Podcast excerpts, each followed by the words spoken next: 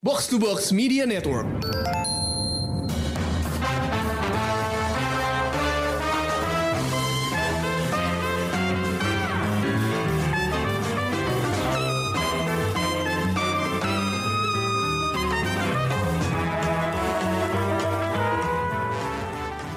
Konnichiwa, Showbox Podcast Yokoso. Kalian mungkin mikir nih dorama Jepang apa lagi nih yang bakal Showbox review. Eh, tapi Cow Jepang kali ini nggak bakal membahas dorama, tapi sebuah eiga alias film. Judul ini judul yang gue nggak sangka banget bakal gue review. Karena intinya sih gue emang nggak nonton ya.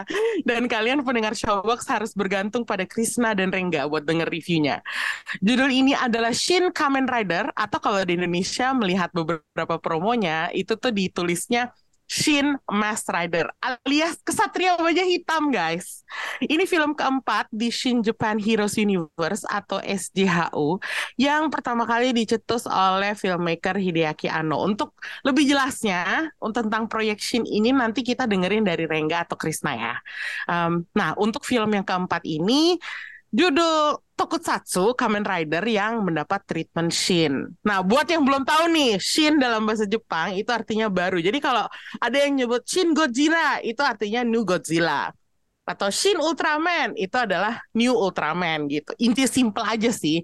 Dari situ kita udah bisa nebak kalau Hideaki Anno itu meribut ya semacam ribut kayaknya kalau gue nggak salah uh, tangkep nih dari IP-IP yang kita sebutin tadi gitu. Kita mungkin belum sempet nih ngebahas ribut yang SJHU yang tadi kita udah sebutin. Uh, gue nggak tahu apakah kita harus ngadain sesi out of the box sendiri buat Shin Japan Heroes Universe. Tapi kayaknya sih kalau gue denger-denger ya dari Krisna Marengga, film Shin Kamen Rider ini bisa berdiri sendiri dan nggak harus disambung-sambungin ke film lainnya di universe ini gitu. Tapi gue penasaran tetap gitu. Gue jadi pengen nanya nih sama Rengga, bisa nggak sih kasih latar belakang dikit tentang proyek SJHU ini dan gimana universe-nya bekerja gitu. Apakah ini mirip sama universe film uh, Hollywood uh, semacam MCU atau DCEU? Terus udah gitu ini letaknya di mana nih kalau lo ngomongin franchise Kamen Rider?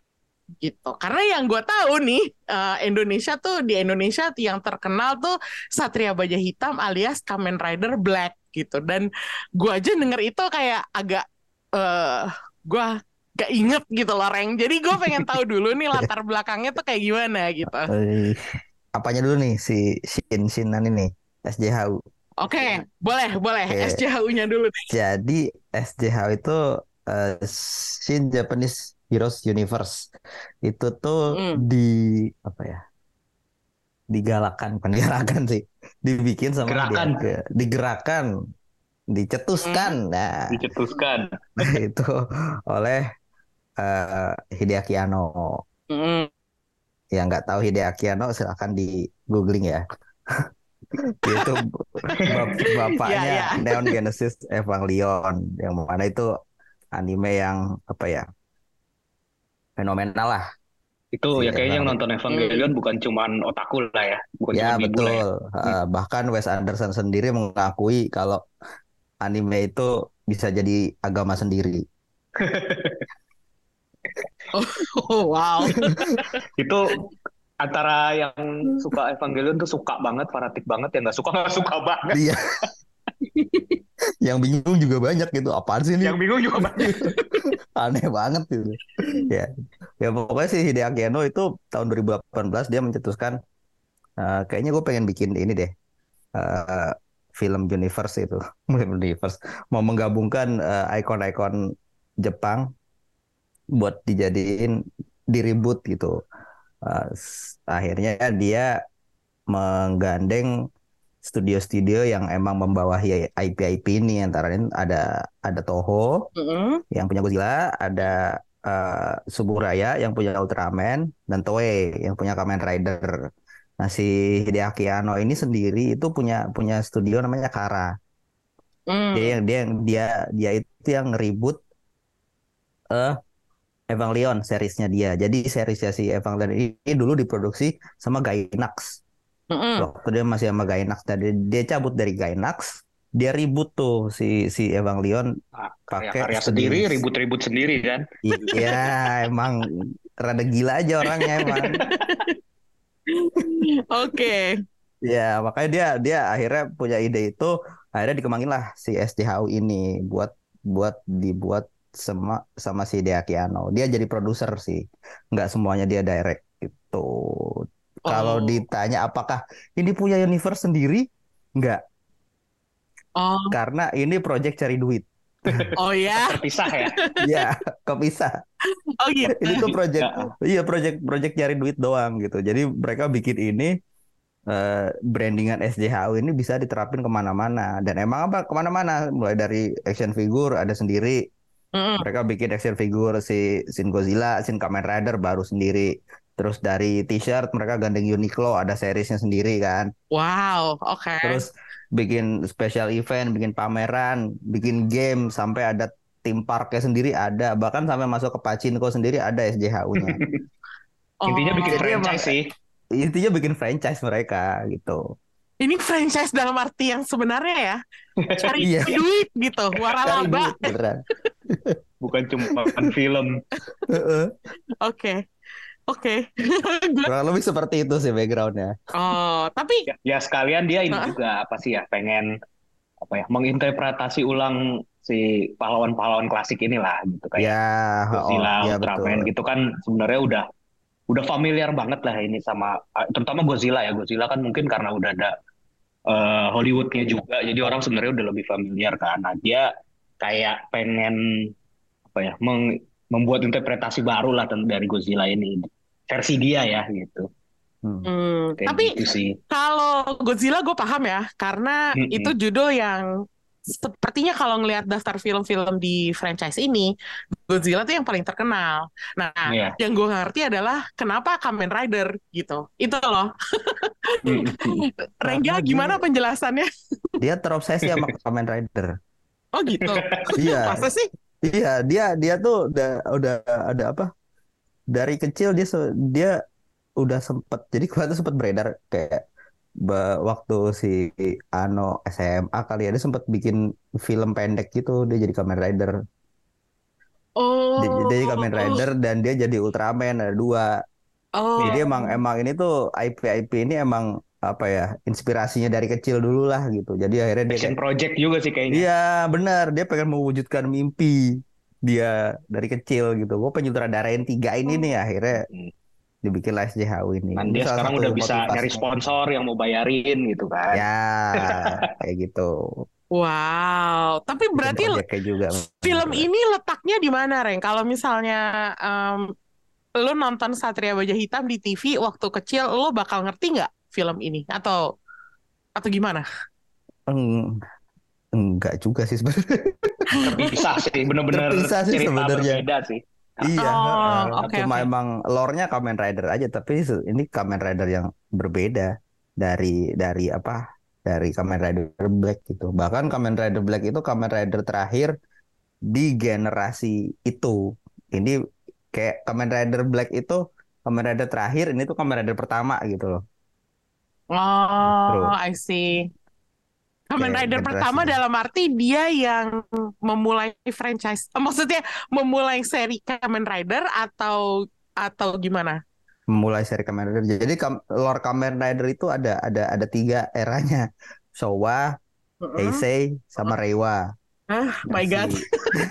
Ya sesuai era inilah, era kekaisaran Jepang lah.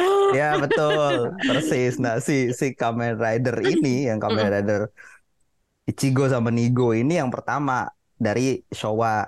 Dia yang Oh, oh. memulai lore Kamen Rider ini. Sementara si Kamen Rider Black itu Mm-mm. udah yang terakhir dari era Showa itu. Oh, I see, I see, I see. Oke, oke. Sekarang agak kebayang ya. Maafin ya pendengar Showbox bahwa gue agak-agak eh, goblok soal Kamen Rider. Ya kan kita Karena gue- showbox bukan otaku box. gue juga nggak pernah nonton tokusatsu juga gitu loh. Makanya nih gue harus butuh pencerahan, harus diajarin dikit untuk bisa ngerti sebelum kita bisa bahas filmnya. Tapi sekilas tadi udah dikasih tahu ya sama Rengga, jadi kita nggak perlu bikin episode khusus out of the box untuk ngejelasin apa itu SJHU. Jelas kata Rengga tadi udah bikin cari duit aja gitu. Um, tapi sekarang ya guys, kalian berdua kan susah payah ya nonton film ini uh, karena gue tahu bioskopnya sedikit, layarnya nggak begitu banyak gitu. Sampai sekarang juga, aduh minim banget gitu layar yang masih muter gitu.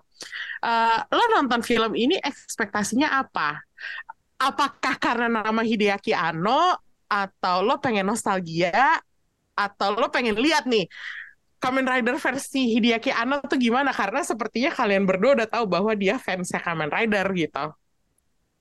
Ya kalau gua sih gua lebih sebenarnya lebih dari nostalgia sih karena gua pun sebenarnya yang gua ikutin bener-bener itu cuman uh, Kamen Rider Black gitu ya, yang ya dulu emang karena ditayangin di Indonesia juga gitu. Tapi yang hmm. Kamen Rider lain gua nggak nggak ada yang terlalu ngikutin, jadi sebenarnya ini lebih dari nostalgia sih. Cuman kan ya Kamen Rider kan mau yang Black atau yang ini gitu kan konsepnya sebenarnya mirip lah ya kurang lebih. Jadi yang lebih gua harapin sih sebenarnya pengen tahu aja kayak apa treatmentnya Hideaki Anno untuk Kamen Rider ini. Karena kan dulu pas yang Godzilla tuh menurut gua dia lumayan ngasih treatment yang beda dari Godzilla yang asli kan karena dia masukin elemen apa ya politik yang kuat banget justru. Justru Godzilla yang awalnya dikit kan di situ. Nah gua gua tadi ya berekspektasi ke situ sih. Maksudnya uh, apakah yang akan dia lakukan dengan Kamen Rider ini gitu. Oh, jadi ada pengaruh Hideaki Anno-nya juga ya dalam iya, iya. ekspektasi iya. lo ini, ha? Ya, apakah bakal seserius Godzilla gitu atau bahkan kayak misalnya sefilosofis Evangelion gitu. Itu sih yang yang wah dia mau ngapain nih dengan Kamen Rider gitu. Oh, oke. Okay. Sementara. Rengga kan long time fan ya dan suka ngumpulin uh, toys-nya juga gitu, setahu gue. Um, Jadi gimana ekspektasi lo sebelum lo nonton dan setelah lo nonton, Rek? Gue suka sih kalau ekspektasi. Maksudnya uh, ekspektasi gue tidak tidak tidak melenceng jauh dari apa yang gue iniin. Gue juga nggak berharap yang film ini bagus banget nih, nggak gitu juga gitu. Mm -mm. Gue nonton juga sama sebenarnya kayak Kristen juga pengen tahu sebenarnya kayak apa sih gitu Kamen Ridernya dia Kiano. Soalnya gue juga nggak nonton yang versi versi asli ya gue juga dulu pas kecil kan nontonnya juga black gitu. Mm jadi ketika masuk pun gue tidak tidak tidak banyak ekspektasi yang terlalu tinggi gimana gimana oh. jadi kalau dibilang nostalgia nggak nostalgia juga. Gue nggak nonton yang versi aslinya gitu. Lebih ya karena penasaran juga sih jadinya. Tapi lo ngikutin dulu serial Kamen Rider yang lain selain Black? Gue cukup mengikuti tapi nggak semuanya gue ikutin kayak banyak banget sih soalnya kan. Banyak susah banget. juga. aksesnya uh, juga susah gitu kan. Iya uh, dan gua tuh lebih suka yang versi Sowa daripada yang ke sini-sini ya. Oh versi yang lama banget dong ya versi Iya, uh, gue lebih suka soalnya yang ke sini tuh bentuknya udah terlalu aneh-aneh dan ajaib gitu kayak gue kurang suka. Oke nih gue sekarang gue tembak aja langsung nih. Um, lo suka nggak sama film ini? Karena ini film pertama dari empat film SJHU yang disutradarain langsung sama Hideaki Anno tanpa co-director. Iya. Gitu. Itu hasilnya gimana dan apakah lo suka, apakah lo nggak suka atau ya jelasin aja gitu. Kalau kalau gue ngerasa ini di sini terasa kalau si Hideaki Anno ini terlalu ngefans sama Kamen Rider. oh, Kayak dia terlalu sangat ngefans. menghormati, iya sangat menghormati materi aslinya gitu karena uh, ya secara style gitu kayaknya dia nggak ngasih sesuatu yang baru gitu ya untuk Kamen Rider justru dia sangat mengikuti apa ya gaya editingnya, gaya fightingnya, gaya dialognya itu kayak mengingatkan gua dulu gua nonton bahkan gua nonton Kamen Rider Black gitu mirip gitu. Jadi kalau tapi kalau ditanya suka apa enggak sih ya gua sih masih bisa menikmati ya karena dulu gue juga suka nonton yang si Black gitu. Eh, dan RX juga sequel itu gue suka tapi gue tahu sih ini emang bukan buat semua orang ya maksudnya menurut gue cuma ada dua tipe orang lah yang bisa menikmati scene Kamen Rider ini ya. pertama yang emang ikutin Kamen Rider yang kedua ya emang orang yang apa ya bisa menikmati film KMP gitu ya kan nggak banyak juga ya kayak gitu Ya, sih kalau menurut gue oke. Oh, oh, oke. Sementara Rengga apakah pendapatnya berbeda nih? Gue pengen tahu soalnya kadang-kadang dia sama Krisna suka beda juga gitu. Heeh. Eh, apa tadi? Sorry. Gue suka, gue enggak? suka, gue suka, Lo gue suka? suka, Oke. gue suka. Ha, ha, ha. Karena ya itu kayak apa ya? Ini lebih ke lebih ke homage sih menurut gue. Homage iya, buat. Kamen Rider Ah, ah, ah. Hmm. dari si Ano gitu kayak ya kayak kata Krista tadi bener gitu dia saking sukanya masih Rider yang dulu dia bikin ulang nih. Cuma Hmm. ditambahin elemen-elemen modern aja gitu. Yang mana eh, tapi dari dari segi segi apa ya kayak eh, editing, terus penceritaan, bahkan shot-shotnya tuh ya zaman dulu banget lah gitu.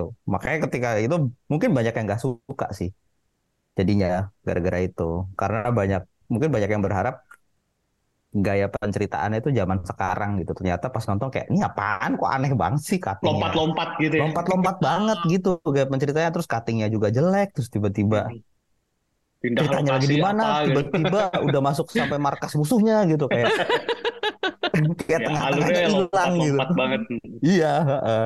Dialognya gitu. juga Dialognya juga kadang terasa aneh, terus shot-shotnya tuh banyak yang muka doang gitu. Itu shot jadul banget sih kalau kayak gitu. Iya, iya. berantemnya juga actionnya juga Actionnya juga nggak yang action modern gitu berantemnya. Jadi secara kalau secara pribadi sih gue suka dan gue nggak masalah gitu. Tapi mungkin ya ini bukan bukan film untuk semua orang sih jadinya. Ini eh, kan lo bilang ya, ini kan kesengajaan ya, kayak Hideaki Anno ingin memberi homage gitu. Eh, menurut lo, apakah dia sebenarnya bisa bikin film yang yang berbeda, yang nggak seperti ini, yang berbanding total gitu. Jadi kayak ya udah gaya ceritanya modern, teknik filmnya modern. Menurut lo gimana? oh kalau dia mau gitu ya Ya, kalau dia mau gitu. ya bisa kayak Godzilla kan kayak Shin Hmm. Godzilla gitu Tapi itu kan dia co-directors. eh iya sih ya ya ya iya sih susah juga ya Jadi maksud gue uh, sebagai sebuah karya Hideaki Anno, apakah ini uh, works or doesn't work gitu? Itu yang gue pengen Oh. denger sebenarnya. Eh, kalau kalau work sih menurut gue bi- bisa bisa dibilang works karena ini kayaknya emang sesuai tujuan dia bikin film ini kan. Emang Oh, dia pengen ya itu pengen homage, pengen menghormati, pengen mengenang ke kesenangan dia pas kecil mungkin dan itu ya kelihatan banget dari dari yang kita tonton gitu. Terasa banget gitu. hmm. Oke. Hmm. Kalau menurut lo Reng gimana? Ya maksudnya se- sebagai sebagai karya Hideaki Anno, apakah ini Oh, menunjukkan signature dia atau sebenarnya dia bisa bikin yang yang lain yang lebih eh, apa ya lebih menyenangkan bagi semua orang gitu.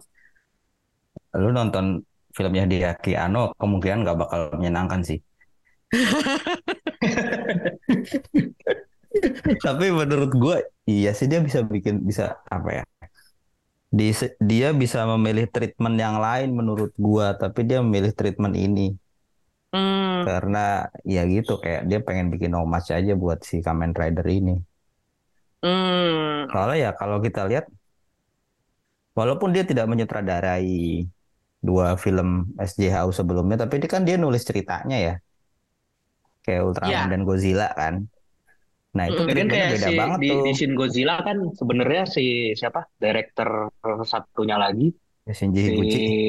Shinji Higuchi itu kan lebih banyak di ininya apa special effect-nya Iya, karena dia iya. kan emang spesialisnya itu kan special effect kayak gitu Hmm. kan kayak Ah, gitu oke, oke. tapi secara treatment cerita segala macam itu kan itu kayak lebih dari si Ano sih karena dia nulis juga Iya benar. ha. Dan, Hmm. dan kalau Ultraman itu justru yang nyutradarain si Shinji Higuchi sendiri. Anu Hmm, cuma nulis. Oke, Hmm. Jadi dan kalau di Kamen Rider ini beneran si nulis yang nulis si Ano aja. Intradain juga dia. Jadi kayak dia solo aja gitu udah. Ini pilihan dia sih menurut gua untuk membuat Oh. film seperti ini. Berarti personal banget ya buat dia. Iya, personal Ya, banget. benar. Nah. Dan kalau memang kelihatan karena memang itu tujuannya ya berarti apa yang jadi hasil akhirnya ya berhasil gitu.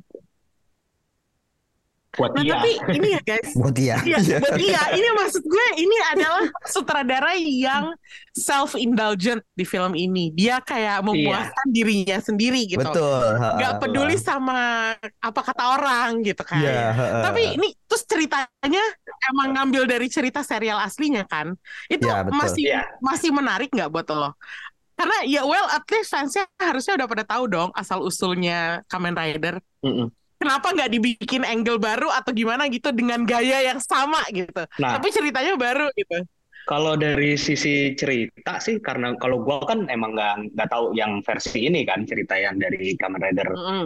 yang pertama ini gitu. Jadi gua sih masih apa ya eh, penasaran, masih menarik gitu sama ceritanya. Oh, gue ternyata baru tahu oh Shocker tuh ternyata awalnya kayak begitu. Terus emang ini hasil eh, dan si Kamen Rider ini nggak sendiri gitu. Sebenarnya dia hasil eksperimen segala macam itu menarik gitu. Yang memang menurut gua harusnya bisa lebih ini tuh mungkin treatmentnya gitu kayak ya itu angle baru atau mungkin kayak kalau apa ya kalau lebih modern itu kan kita bisa ngelihat si misalnya organisasi villainnya lah si Shocker ini tuh bisa lebih dalam gitu bisa lebih ngelihat backgroundnya atau bagaimana organisasinya bekerja gitu kan kalau di sini nggak terlalu diliatin kayak gitu ya. Atau udah udah jadi udah ada eh, yang ngejalanin udah ada AI-nya udah ada pasukannya entah dari mana kayak gitu-gitu kan. Nah itu sih mungkin kalau kalau kalau menurut gua kalau treatmentnya lebih modern itu kita bakal bisa lebih ngeliat itu harusnya. Ya cuman pilihan dia kan ngikutin yang asli gitu ya. Jadi ya udah tiba karena yang kayak misalnya kayak Kamen Rider Black gitu yang gue inget aja gitu ya itu kan juga kayak gitu gitu ceritanya. Maksudnya tahu organisasi villainnya udah ada kayak gitu. Kita nggak tahu dari mana asal usul pasukannya atau apa gitu. Ya udah tahu ada monster-monsternya mereka punya pasukan. Ya itu yang dia kembali lakukan di sini gitu. Kok gue dapat kesan bahwa ini emang si Hideaki Anno tidak mau menyenangkan siapa pun kecuali dirinya sendiri gitu. Kayak wah ya spesifik banget pilihan dia gitu ya nggak sih? ya itu udah dia Kayak- lakukan dari awal dia berkarir Iya iya iya iya. Memang orangnya seperti itu sih. Kenal banget gua. dia hanya bisa nurut itu kalau cuman ketemu Hayao Miyazaki Iya. Astaga, Senseinya dulu. wow. Senseinya. Oh, kalau nggak ya udah gitu Tapi Reng, lo kan sangat semangat ya waktu itu waktu mau ngebahas film ini, lo yang mencetuskan judul ini dan mengajukan reviewnya uh, ke kita di Showbox gitu. Nah, uh, apakah lo sebenarnya apa ya? Lo udah paham bahwa filmnya bakalan, wah ini filmnya bakal ano banget gitu. Dan akhirnya, terus lo tadi sempat ngomong bahwa lo nonton film Hideaki Anno nggak bakal happy gitu. Apakah lo sudah menyiapkan diri lo untuk nggak happy gitu atau gimana sih? Jadi gue bingung. Gue justru sedikit terkejut sih maksudnya. eh, kalau ngelihat dari yang scene Ultraman sama scene Godzilla itu apa enggak banyak adegan yang tuh nggak nggak apa ya nggak ada jokesnya gitu nggak nggak ada adegan lucunya tuh nggak ada gitu serius. Serius pokoknya apalagi Godzilla. Wah serius banget politikal banget gitu. Uh, Ultraman Hmm. masih ada sedikit ininya lah fun-funnya sedikit lah gitu. lebih entertaining lah. Lebih entertaining. Nah di sini tuh ternyata banyak banyak hal yang lucu. Entah itu emang sengaja lucu Oh. atau unintentionally funny jatuhnya. Itu lebih karena stylenya yang ya udah apa ya kuno kali ya iya udah outdated. Jadi jadinya kita, kita kita ngeliatnya aneh gitu. Iya. Jadi lebih menghibur daripada dua film yang sebelumnya gitu. Hmm, I see. Oke. Nih, gue penasaran ya. eh, lu semua udah pada nonton tiga film sebelumnya? oh gue Ultraman belum sih jujur baru yang Godzilla Oh, Ultraman belum. Oh, lu cuma sih. nonton Godzilla doang ya? iya ah. Lu udah nonton semua, termasuk Evangelion. Evangelion yang Evangelion gue nonton Iya, gue belum sih yang terakhir itu. oh yang terakhir belum Yang tiga tiga belum. Belum. Oh, oke. Ini gue pengen tahu aja. Ini dari tadi kita ngomongin Hideaki Anno. Ada nggak sih benang merahnya di antara semua film-film ini? Oh, maksudnya kayak sesuatu yang anok banget gitu ya? Sesuatu yang Anno banget atau apa pun lah nggak perlu Hideaki Anno style, tapi sesuatu yang menghubungkan yang yang menjahit empat film ini gitu di dalam SCHU. Ada nggak atau nggak ada? Filosofis. kan Kamen Rider ini sempat ada bagian filosofisnya juga kan? Iya. Ini datang dari Anno apa bukan nih sisi filosofisnya? Pastilah kalau itu. Oh, oke. kayak ngomongin eksistensi manusia lah, apalah gitu kan. Itu kan Waduh, kayak berat. dia banget ya. eh. Oh, ya Allah. Iya. Ada ada Jadi- alasannya kenapa Ano itu dulu sempat masuk rumah sakit jiwa. Fansnya pasti tahu. Iya. Udah mendingan lo ceritain aja deh buat pendengar. Karena di sini belum tentu ada fans Ano, Reng. Dia tuh sempat ini juga jadi apa eh, orang Jepang yang hikokomori ya, yang Iya, mengurung diri, yang mengurung diri di Oh my kamar nggak God. keluar-keluar. Itu dia sempat Ah. melewati fase itu, terus sempat dirawat juga gitu di. Di RSJ. eh, eh, Nah, di Sebelum RSJ akhirnya- itu dia bikin Evangelion. Evangelion. Hmm. Makanya Wah. Hasil depresi dia. habis iya. Wah. Makanya kalau kalau kalau dibilang ada benang merahnya ya benang merahnya sebenarnya mungkin kata kita berarti kayak banyak filosofisnya gitu kan. Tapi lebih kayak apa ya? Hubungan antar manusia sih jatuhnya. Dia Hmm. sangat mendalami hal itu kalau di Godzilla tuh kan kayak apa ya? mm, bag- politikal banget dan memperlihatkan bagaimana orang-orang itu bersatu untuk melawan Godzilla gitu kan. Mm. Terus kalau di Ultraman tuh bagaimana umat manusia menghadapi alien yang baru Hmm. datang gitu kan, bagaimana ceritanya mereka. Sementara kalau di Kamen Rider itu lebih aneh lagi sih bagaimana motivasi si Shocker ini untuk menghabisi umat manusia. Biar manusia bahagia. Bahagia. Tapi dilenyapkan. Tapi kita harus memusnahkan mereka, biar mereka bahagia. Biar mereka tidak ada penderitaan, kita harus memusnahkan mereka. Ah, iya bener Bukan juga sih sebenarnya bener. Enggak, gue gue sebenarnya ya Setuju kan? maklum ya, gue gue maklum ya, gue pernah ngambil filosofi satu semester dan otak gue langsung jadi agak tergoreng gitu dengan dengan isu-isu eksistensialisme gitu. Terus gue dengar kata, oh manusia harus dilenyapkan untuk bisa bahagia. Ya of course lah, soalnya kita udah nggak nemuin lagi penderitaan kalau kita lenyap. Gitu. Oke, em, kita ngomongin sesuatu yang ringan aja deh, jangan ngomongin Ano lagi. Kalau kita ngomongin Ano terus, kok gue gue rasanya bakal jadi depresi juga gitu. Em, kita kan tahu ya bintang-bintang tokusatsu atau Kamen Rider tuh suka apa ya? Tiba-tiba dulunya belum terkenal main Kamen Rider, terus lulus dari Kamen Rider jadi mencuat namanya gitu.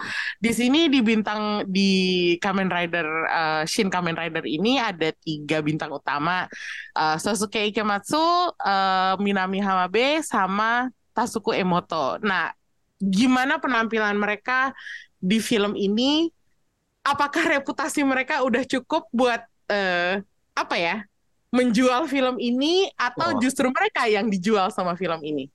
Gua penggemar berat Suzuki Ikematsu sih sebenarnya. Hmm. Hmm, dia kan emang sebenarnya termasuk aktor A-list di generasinya lah gitu. Ya. Mungkin kalau kalau lu inget dulu, lu inget film The Last Samurai-nya Tom Cruise, Ya ingat, anak kecil anak kecilnya itu Suzuki Ikematsu. iya gue tahu. Oh kah? Iya Kayak- benarkah gitu? Iya iya. Terus kayak kayak gua sukanya di film ini juga nunjukin gimana salah satu apa ya? Menurut gua salah satu kerennya aktor-aktor Jepang itu bisa menempatkan posisi mereka di film apa pun gitu.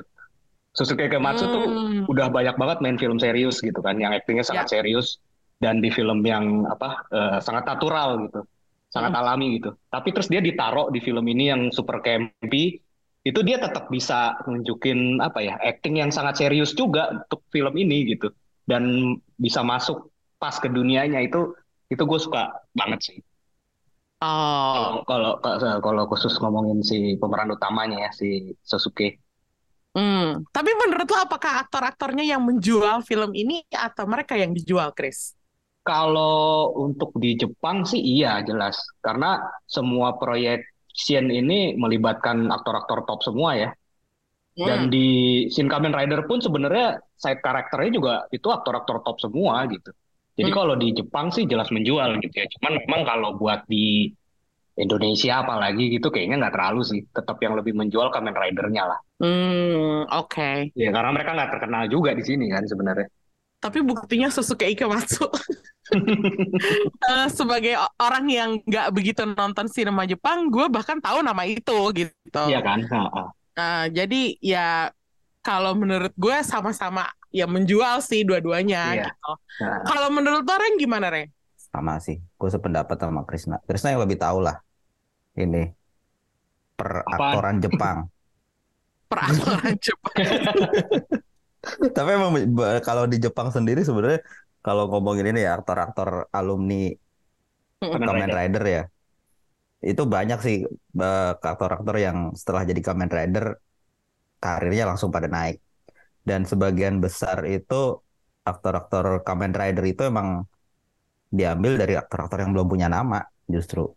Setelah Itu emang sengaja serial. ya? sengaja iya sengaja. Kalaupun pernah tuh kayak paling baru satu dua belum terlalu Belakangan aja kali. Eh, eh, belum terlalu gede terus masuk jadi Kamen Rider baru gede gitu. Emang sengaja emang dicari bukan yang punya nama gede. Kalau untuk serialnya ya. Tapi Hmm. remake Kamen Rider Black terakhir si Hideo Shinichijima loh.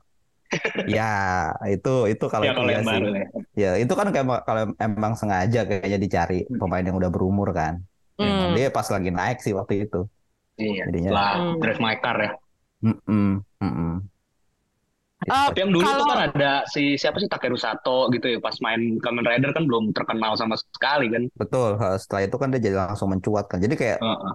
kayak lu kalau udah jadi Kamen Rider tuh lu udah jaminan karir lu naik gitu. Kalau di sana, kalau di Jepang. Hmm. Dan biasanya ini sih eh, apa ya? The new action hero gitu biasanya. Ya, Hmm. Oda Girijo juga kalau nggak salah pernah main Kamen Rider ya. sempat ya Hmm. Tapi di film ini ada nggak eh, aktor yang selain eh, Sosuke Ikematsu ya, karena kan itu yang nama paling besar yang yang bisa lo taruh sebagai pemeran eh, utama gitu. Ada nggak aktor-aktor lain yang side characters yang menarik perhatian lo di film ini? Si ini keren sih si yang jadi Ichimonji itu si Tasuku Emoto. Oh, Itu ya, itu kan Kamen Rider kedua ya berarti kan. Nigo ya. Iya, Mm. ya sebenarnya dia juga udah aktor filmnya udah banyak banget kan. Ya, tapi di Mm. sini dia juga bisa isu, ikut apa ya, ikut masuk ke karakter Kamen Rider di film yang campy gitu. oh, Dan ini sama oke. apa yang jadi Kalau buat Loreng ada nggak yang jadi ini juga Butterfly Oak. Itu siapa sih? Butterfly? Gue nggak kenal sih kalau yang itu. Oh itu, eh, aduh namanya gue lupa siapa ya. Tapi itu lebih terkenal lagi daripada si Tasuku Emoto. Oh, oke. Gue kalau kalau di ini tuh sebenarnya ada beberapa eh karak bukan karakter sih aktor sama aktris yang emang selalu main di filmnya si Ano, si Shin ini. Apa Ada tuh? Siapa empat, tuh? ada empat gue ngitung sih sebenarnya. Ada si Yutaka Takenochi, Takumi Saito, Mm-mm. Siapa nih, Masami Nagasawa sama Mikako Ichikawa. Itu nongol semua di semua Shin. Ya, Oh, sebagai yang Saito tuh berbeda. selalu main ini ya. Si Takumi Ultraman Saito ya? gue tahu sih. ha. Eh, itu Tapi yang ini si Masami Nagasawa cuman gitu doang. iya. Yang sekali udah. Kalau si Takumi Saito sama si Masami Nagasawa tuh main di Shin Ultraman mereka. Jadi eh, lead actor sama lead aktrisnya. Tapi mereka ngulang peran mereka atau dikasih peran lain? Enggak, beda. Ah, oke. Yang baru. Berarti it's Ah. not that kind of franchise ya, guys. Enggak. Enggak, enggak. Oke. Berarti lumayan banyak ya yang terkenal di sini. Maksudnya ya seperti kata Krisna tadi yang kalau main di film-film Shin ini kayaknya emang nama-nama besar semua gitu. Iya, ini kan kalau di Jepang ya termasuk ini kayaknya high profile lah, proyek high profile lah. Karena ya nama Iya. Ano juga kan. Hmm. Tuh, semua yang Hmm. disentuh Ano tuh ini jadi jadi ini kayaknya. Jadi Jadi depresi. jadi filosofis kok enggak.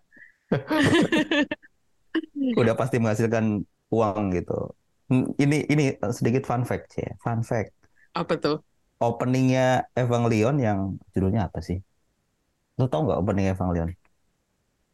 Yang mana yang terakhir? Zan Zankoku Kokuna Tensei atau kalau nggak salah ya.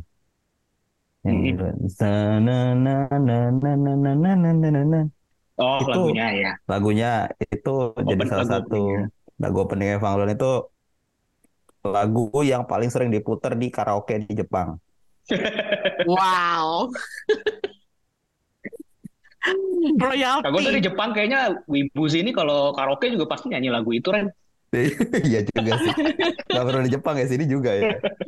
Playlist wajib gitu. Wow, oke.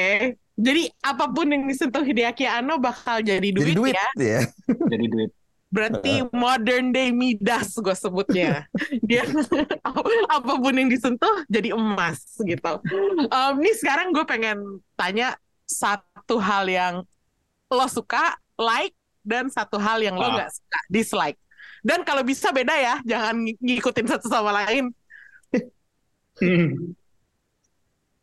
Wah, Terus. ah, ayo lu dulu Ren. Gue jadi diam.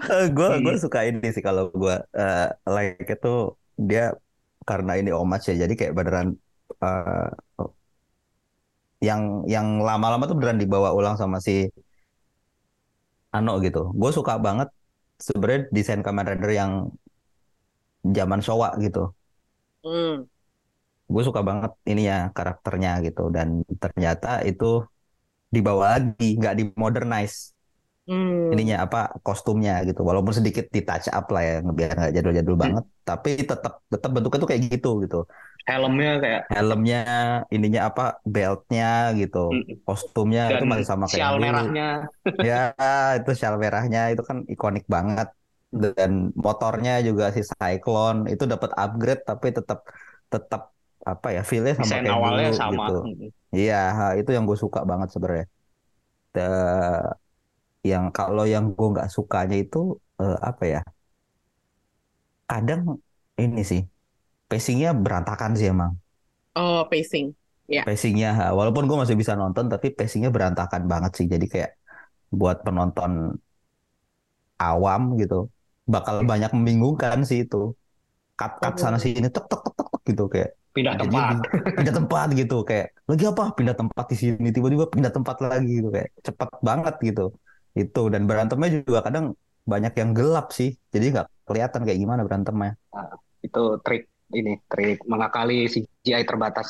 eh betul keterbatasan dana Gak mungkin keterbatasan dana orang duitnya udah banyak, bukan Ren? iya bener juga ya keterbatasan skill kalau gitu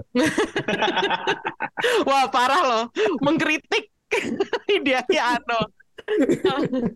tapi tetap Oke. ber- berantemnya tetap keren sih tapi emang ya gitu kurang kurang inilah harusnya masih bisa lebih bagus tapi ya oke lah Oke. Hmm. Kalau Krisna gimana Kris? Nah, like gua beda. and dislike. gue beda sama si Rengga. Justru gue dengan segala keterbatasan eh, CGI-nya segala macam, gue justru gue paling suka justru adegan action ya. Karena apa ya jatuh-jatuhnya apa apalagi terutama adegan kejar-kejaran motornya itu gue suka. Terus berantemnya itu walaupun kelihatan CGI-nya kurang oke, apalagi yang di gelap-gelapan itu, tapi itu jatuh-jatuhnya gue ngeliatnya justru jadi kayak apa ya stylish mungkin. Ya udahlah filmnya campy juga kan, jadi sesuatu Hmm. yang stylish gue jadi jauh bisa lebih mengapresiasi gitu. Nah itu Hmm. gue justru merasa fun sih di bagian actionnya gitu. Yang Oh, oke. ah, ah, kalau yang gue kurang suka sih ya mungkin ya itu karena gue ada ekspektasi treatmentnya bakal kayak Godzi- Shin Godzilla gitu. Ada dia ngasih sesuatu yang baru gitu, yang beda gitu, yang ternyata enggak gitu. Jadi ya mungkin ya itu aja sih kalau gue. Hmm. Jadi kalau dirangkum nih ya Kris, Mm-mm. lo lebih suka Shin Godzilla apa Shin Kamen Rider? Godzilla jelas. Oh, Kalau kalau kalau di antara dua itu ya, walaupun gue tetap terhibur nonton ini gitu, Hmm. tapi Shin Godzilla tuh keren menurut gue. oh, oke. Kalau gue nggak bisa nanya ya, kalau urutan favorit lo tuh apa dari empat film di SCHU ini? Karena lo baru nonton dua kan? Iya, ya jadi gue cuman bisa mengurutkan pertama Godzilla, kedua Kamen Rider. Oh, kalau Rengga urutan sukanya gimana Reng? Gue kalau dipikir juga gue tidak bisa mengurutkan ya. Soalnya ini gen- gen- genrenya beda-beda gitu. Jadinya kayak kalau gue Ya ini aja lah yang yang yang lebih lo nikmatin aja yang mana gitu. eh Yang lebih cocok sama selera lo gitu misalnya. gue lebih suka gimana ya? Imbang sih sebenarnya ya. Kalau antara Godzilla sama ini tuh gue suka dua-duanya soalnya. Kalau Godzilla tuh jadinya kayak political drama gitu loh. Mm-mm. Di mana gue suka ya genre itu gitu. Kalau yang ini beneran kayak film action action hero saja gitu. Tapi dua-duanya. ini tapi gue lebih suka ini tapi kayaknya. Oh, oke. Kalau Jadi berarti Ultraman kan lo udah nonton Ultraman kan? Gue Nah, itu dia. Gue pengen nanya Ultraman gimana? Karena di sini yang nonton cuman lo. Ultraman gue suka tapi ini di Ultraman di bawah dua film ini sih. Oh, Oh. Jadi bisa dibilang nih kalau diurutin dari yang from best to worst, nomor satu Gue ini sih. Kamen Kamen Rider. Rider, Kamen Rider, Godzilla, baru Ultraman. Ah, Hmm. oke. Ini nggak ada yang nonton Evangelion yang Shin-nya juga ya? Belum belum nonton oh gua. belum. Gua- Oh, ya- jadi Evangelion itu kan diribut sama si Ano jadi eh, tiga tiga tiga film. Hmm. Tiga film itu rangkuman dari serialnya dulu yang berapa episode 20 episode apa kalau nggak salah. 10. 10 emang enggak lebih. Eh lupa gue. Lebih. Eh, enggak, soalnya nggak terlalu banyak kan? Iya nggak terlalu banyak, tapi lebih dari 10 Hmm. sih menurut gua. Oh, Itu 24 ya? dirangkum. Gue lupa 20-an something. Hmm. Dirangkum jadi tiga. Mm-mm. You, apa sih judulnya? Apa You Cannot Redo, You Cannot Advance, sama apa gitu yang terakhir. Mm-mm. Nah yang ti- jadi itu urutan itu eh, film itu satu poin satu satu, dua poin dua dua, tiga poin tiga tiga. Nah yang terakhir ini tiga poin nol satu. Gue ribet ya? nonton. Tiga tiga poin nol. Ini enggak enggak tiga ya? poin nol plus satu poin nol. Ada Nah, plusnya. kan ribet banget kan. Thrice Oh my Upon God. Time judulnya kan kayak karya-karya lu sendiri, lu acak-acak sendiri. Bebas dong, bebas. Oh my God. Ini kayaknya bingung Kadang-kadang banget. dulu gue suka mikir, kayaknya Hideaki Anno ini nggak bisa bikin apa-apa lagi deh selain pakai dia. Diulang-ulang mulu gitu. Aduh, oke. Wah, ini kayaknya kalau kita lanjutin bisa panjang ya kalau kita ngomongin Hideaki Anno dan seluruh se- karya Evangelionnya. Tapi gue pengen tahu rating lo buat Shin Kamen Rider. Gua tiga lah. Tiga bintang. Gue tiga setengah. Oh, tiga setengah. Wah, nggak bisa nih. Tiga dan tiga setengah ya udahlah ya. Kita ambil angka terbaik tiga setengah bintang. Karena meskipun berantakan pacingnya, ternyata Rengga masih bisa menikmati. Uh, sementara kalau Krishna ya dia emang lebih suka Godzilla aja sih, lebih suka Shin Godzilla aja karena lebih dalam gitu ya Chris kayaknya. Oke, em, itu tadi review Shin Kamen Rider dari Rengga dan Krishna. Sayangnya film ini susah banget ya ditemuin di bioskop. Tapi ada kabar gembira karena kata Rengga film ini bakal datang ke OTT. Di mana nih OTT-nya Reng? Di Amazon Prime. Tanggal 21 Juli. Oh, berarti langsung ya bisa kita nikmatin di Langsung. OTT nanti. Itu jadi global bahkan ya. Ya, ada di Global. 200 negara kalau nggak Oh salah. iya benar. Nah, Hah. wow, oke. Berarti yang nggak sempat nonton di bioskop masih bisa nungguin di uh, Amazon Prime Iya. tanggal 21 Juli nanti. Sekalian aja kalau ada yang mau nonton Evangelion 3.0 plus 1.0 itu gue cek udah ada juga ya di Prime Video. Iya, nah itu. Uh, uh, tapi kalau Shin Godzilla dan Shin Ultraman mungkin harus agak manuver sedikit buat nontonnya. Kemarin kalau nggak salah Renga nonton salah satunya tuh di website apa ya Bilibili ya kalau nggak salah. Iya.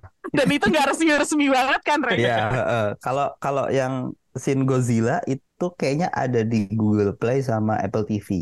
Apple TV Oh. ada ya gue pernah lihat, Oh, tapi oke. nyewa nyewa masih Nyewa, nyewa. Nah, Ya, jadi sekitar 30 ribu kalau nggak salah kalau nyewa di Apple TV. Kalau di Google gue nggak tahu harganya berapa. Tapi Beda-beda sih. kalau di lo Google. lihat, lo bisa cari sih film-film ini. Um, ke depannya kita harap aja semua film di SJHO itu bakal available semua di satu OTT karena kan udah jadi universe nih terus kan cari duit kan jadi of course harus ditonton dong semuanya harus Soalnya ini sih semuanya. ribetnya ini apa ini uh, kan pemilik aslinya beda-beda kan. Nah itu dia Kan ada Gua tahu sih. Toho, ada Toei itu kan ya. tapi kan ini kan ada yang udah ada kepalanya si Kevin Feige-nya yaitu Hideaki Anno gitu jadi bisa lah bisa kita tunggu aja karya Hideaki Anno yang selanjutnya dan kita lihat aja apalagi nih yang bakal digarap sama Anno Sensei oke sampai di sini dulu ya Otsukare sama aja mata Nemina bye bye Bye. thank Bye. you.